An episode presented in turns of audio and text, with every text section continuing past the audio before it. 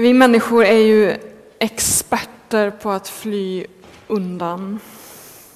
Gömma oss under täcket istället för att ta itu med det som blivit fel.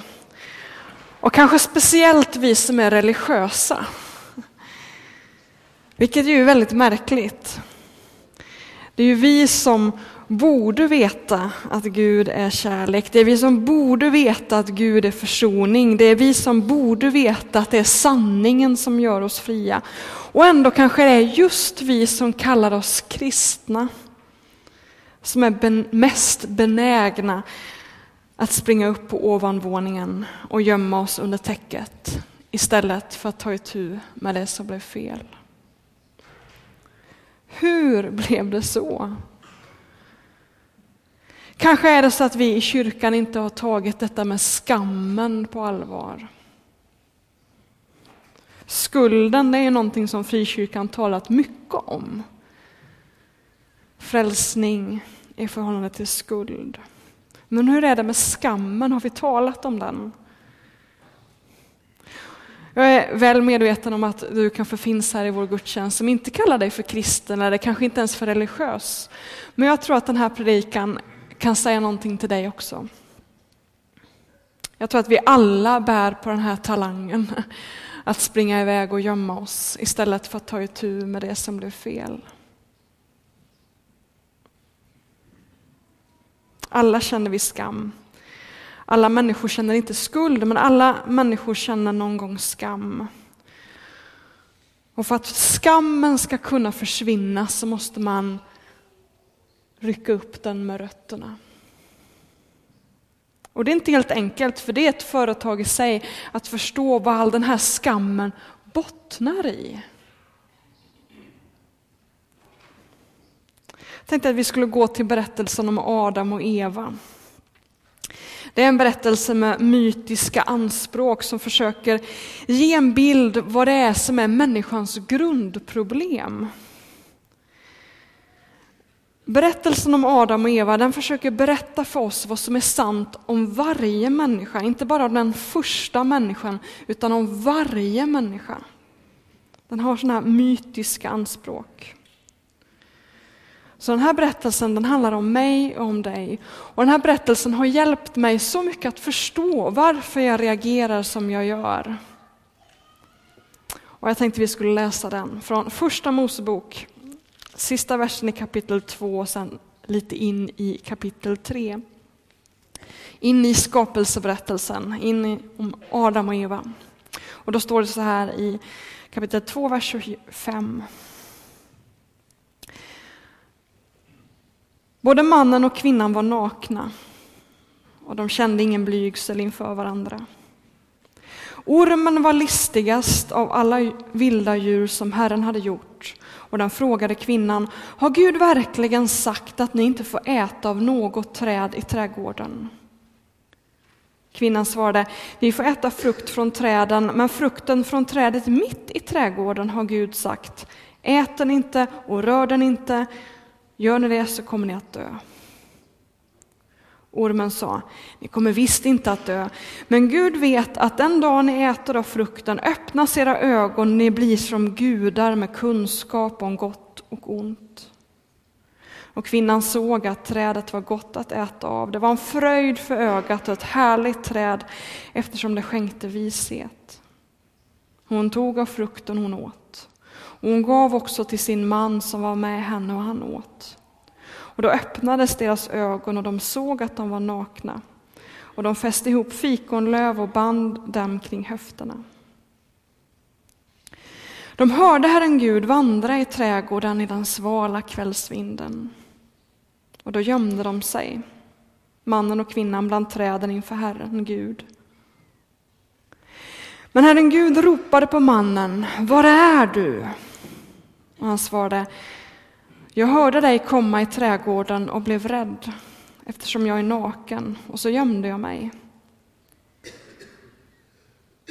Herren Gud sa, vem har talat om för dig att du är naken? Har du ätit av trädet som jag förbjöd dig att äta av? Mannen svarade, kvinnan som du ställt vid min sida, hon gav mig av trädet och jag åt.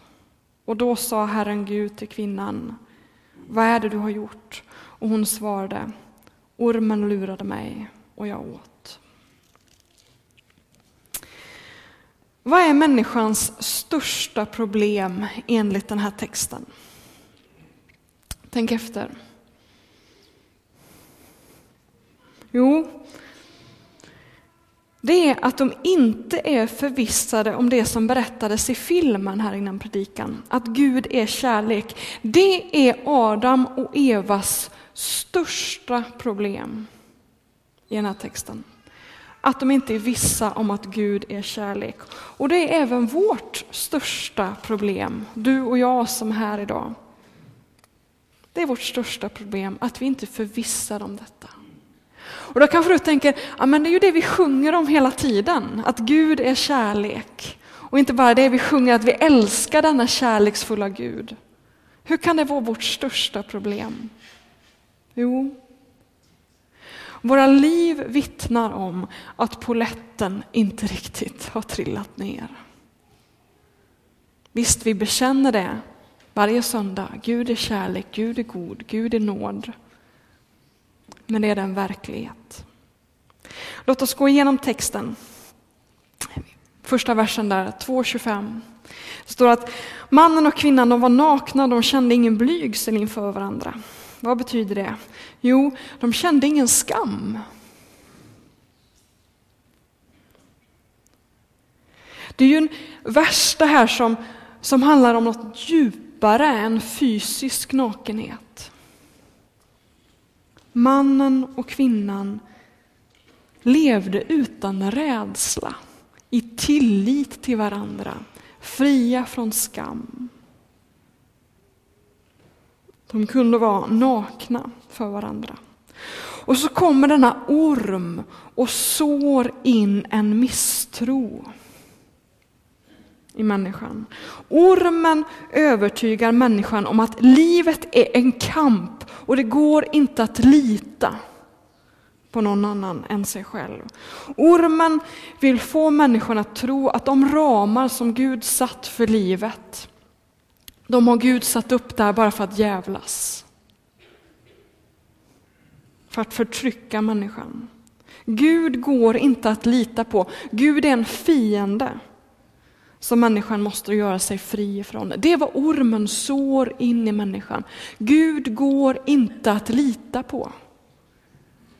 Gud är självisk, Gud är ond, Gud förtrycker. Det är därför han har sagt att de inte får äta av det här trädet. Och vad händer? Jo, människan går på det här.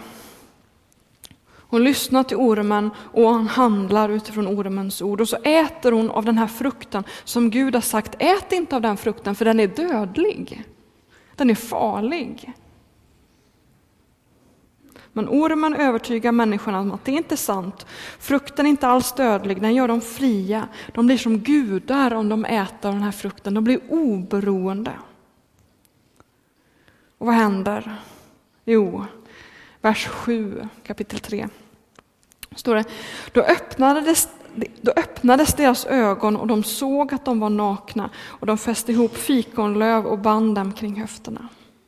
Vad är det som händer här? Jo, skammen träder in i människans värld. Skammen blir en del av människans vardag. Och hon måste skyla sig, hon måste gömma sig. Hon skäms över sig själv och sin person, hon kan inte längre vara naken.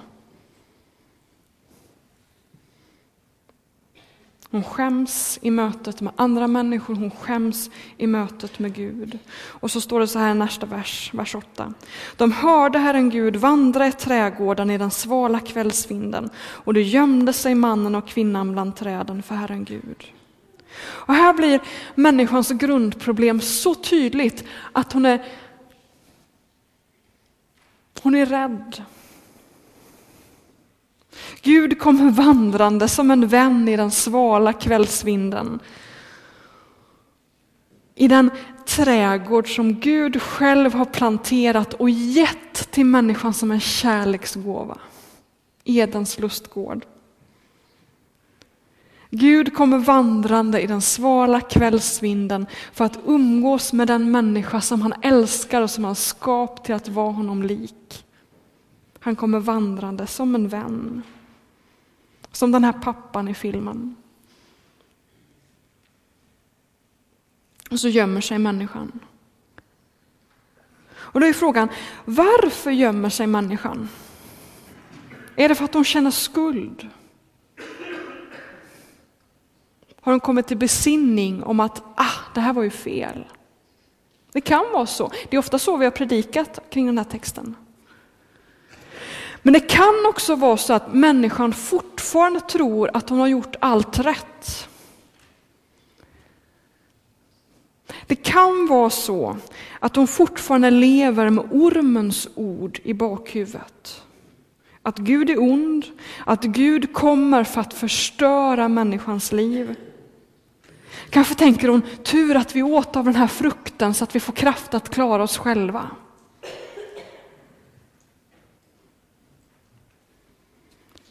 Kan det vara så att de fortfarande tror att de har gjort allting rätt? En del menar ju att den här skammen som vi bär på, den bottnar i insikten om att vi har gjort fel. Om det är så, om det är skammens djupaste rot, skulden, då finns det två vägar att gå. Den ena är att säga att nej, men de här buden, alla de här kraven om rätt och fel som vi går och bär på, det är egentligen inte sant, de är påhittade. Det är en del av den ateistiska litteraturens liksom, lösning. Nej, men vi går och bär på, på skuld för saker som egentligen inte vi behöver ha skuld för. Då är vägen att liksom göra sig av med alla de där buden och alla de här kraven. Så försvinner skammen. Den andra vägen är ju att, att erkänna sin synd och att omvända sig. Och Det är den vägen vi har pratat om i kyrkan och det är ju en god väg. Men frågan är, är det så man blir av med skammen? Kan det vara så att människan gömmer sig, inte för att de känner skuld, utan för att de är rädda? De har låtit ormen prägla deras bild av Gud. De ser på Gud genom ormens glasögon.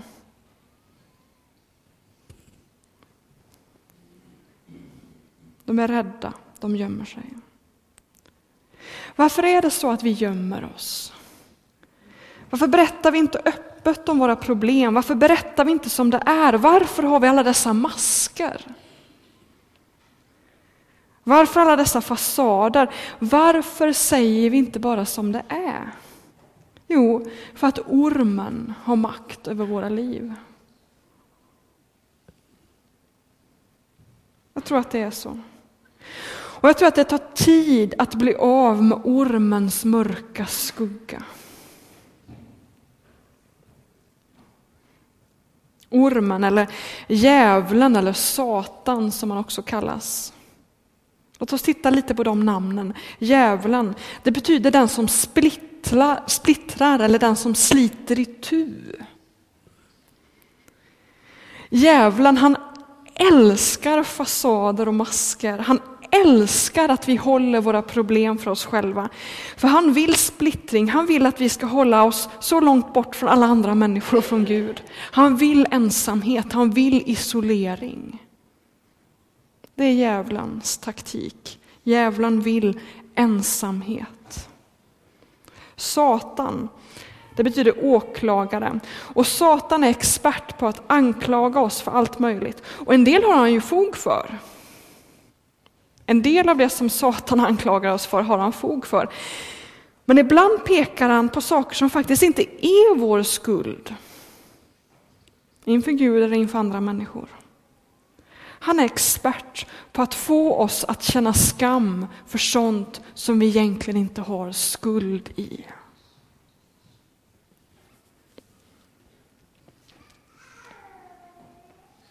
Brottsoffer till exempel känner ju ofta skam.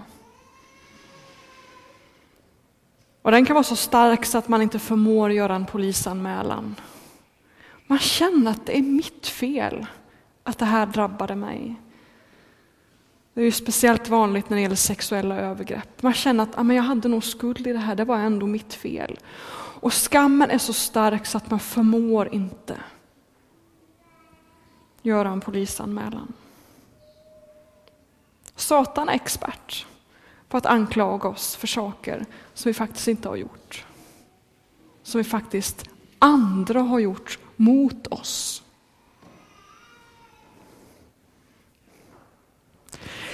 Men i den här berättelsen om Adam och Eva så har en verklig synd begåtts.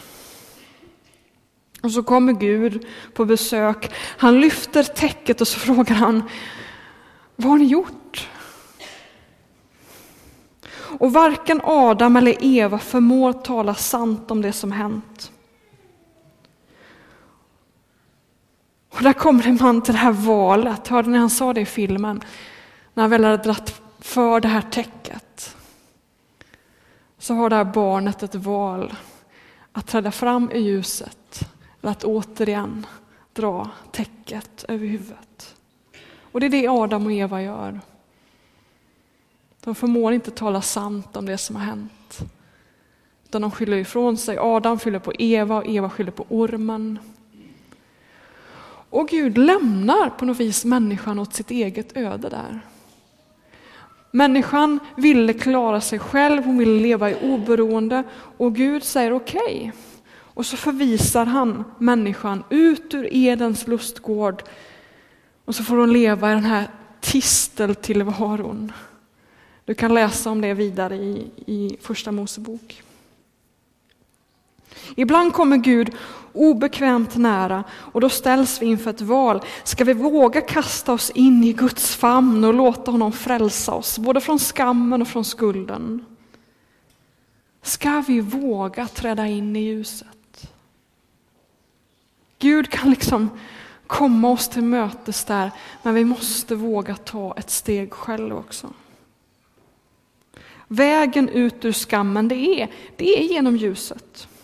Först i ljuset kan man bli viss om att man är älskad, att livet inte är farligt, att Gud inte är farlig, att andra människor inte är farliga. Att jag inte måste vara ensam med den här skammen och skulden. Ja, inte ens med mina ång min ångest eller mina bekymmer. Ingenting av detta behöver jag vara ensam med. I ljuset så försvinner både skammen och skulden och där kan man få hjälp att, att skilja på vad jag faktiskt har skuld i och vad som faktiskt inte är min skuld utan en annan människas skuld. Att jag har fallit offer för en annan människas ondska. Det är ljuset som det sker. Det är ljuset man förmår skilja de här sakerna ifrån varandra. Men så länge vi är ensamma om vår skuld, så länge vi är ensamma om vår skam, då har ormen makt över våra liv.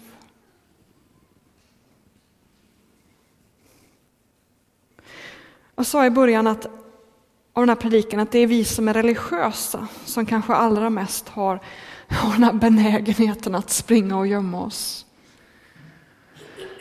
Och det är för att vi faktiskt tror på Gud. Det är ju först när man liksom lever med den här verkligheten att det finns en Gud, man har en bild av Gud och då kan ormen få makt över den här bilden och förvränga den.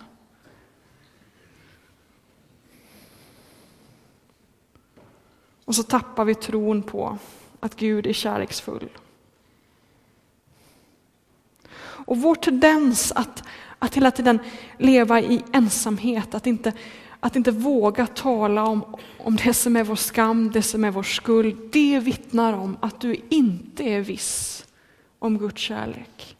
Hade du varit det så hade inte det varit en ångest i ditt liv.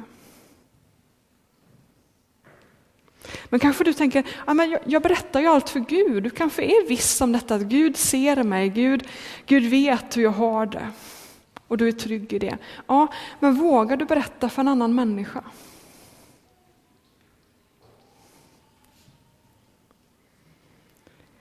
Man ska inte berätta allting för alla, det, det mår ingen bra av, det är inte gott. Men alla människor bör någon gång, lite då och då, bekänna sina synder för en annan människa. Jag tror det. Det står i Jakobsbrevet kapitel 5, vers 16 att, att vi ska bekänna våra synder för varandra.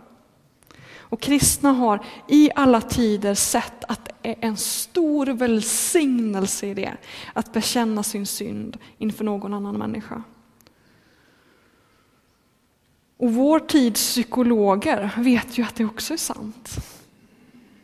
Vi behöver dela våra hemligheter, våra mörka hemligheter med någon. Det är så vi blir av med skammen, det är så man liksom rycker upp den från rötterna. Genom att säga som det är, att berätta om sina mörka hemligheter. Till sist. I vissa kyrkor så, så bekänner man regelbundet sina synder inför en präst i det som heter bikt. Så funkar det inte riktigt i, i den här församlingen. Vi har inga präster. Vi har pastorer som har tystnadsrätt. Det betyder att det som jag hör i bikt, det har jag rätt att tiga om i domstol. Men vi har den ordningen att man väljer själv vem man vill bekänna sina synder för. En kristen vän som man har förtroende för är ju enklast.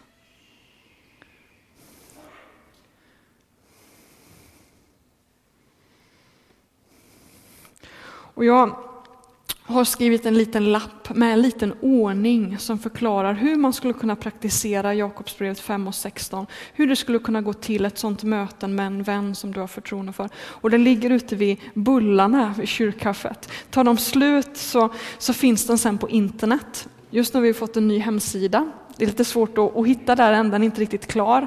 Men om du går in på hemsidan så ser du senaste predikan, så ligger en ljudfil där och så kan du trycka på se alla predikningar och sånt där. Och där finns det en, ytterligare en länk till en blogg där alla de här samtalsunderlagen eller reflektionsmaterial till predikan ligger. Så så kan du hitta den länken, eller lappen. Du kan också googla på blogg och Ryttargårdskyrkan. Men vi ska dirigera om det där, ta en sak i taget.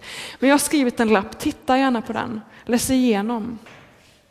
Eh, för jag tror att det kunde bli till en sån stor välsignelse för dig. Jag tror det skulle kunna bli till en sån stor välsignelse för dig. Gud bevisar i Jesus Kristus att ormen har fel. Gud är inte självisk. Gud är inte ond. Gud blir människa, delar våra villkor, bevisar att han är öm, att han är ödmjuk, att han är kärleksfull, att han vill oss väl. Han bevisar det på två sätt, kort. Han bevisar i Jesus Kristus att han vill försoning och förlåtelse, att han är nådefull. Det bevisar han. Och han bevisar att man kan drabbas av ondska trots att man är oskyldig. Jesus var utan synd. Och ändå drabbades han av så mycket ont.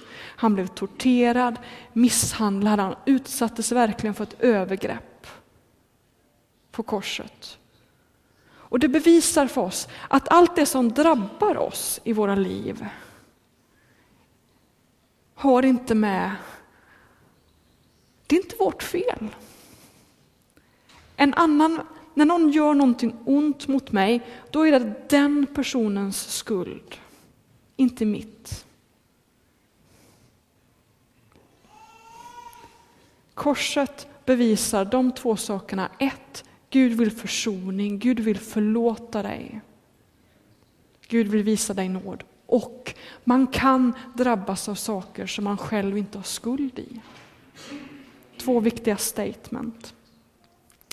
I den här kyrkan så finns det något som heter lyssnande medmänniska. Det är en stab av människor med olika sorters kompetens som gärna samtalar med dig. Och du kan höra av dig till oss pastorer eller till expeditionen så slussar vi dig vidare.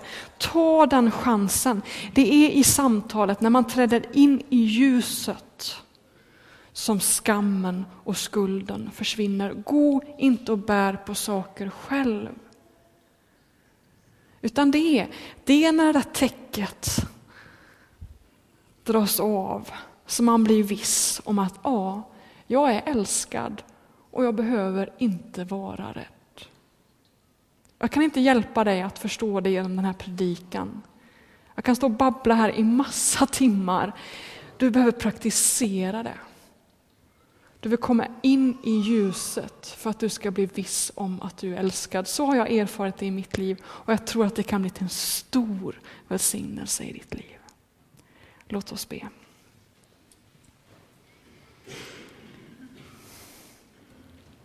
Jesus, jag ber att du skulle bevara det vi har hört idag i den här gudstjänsten i våra liv. Och att det skulle bli till handling.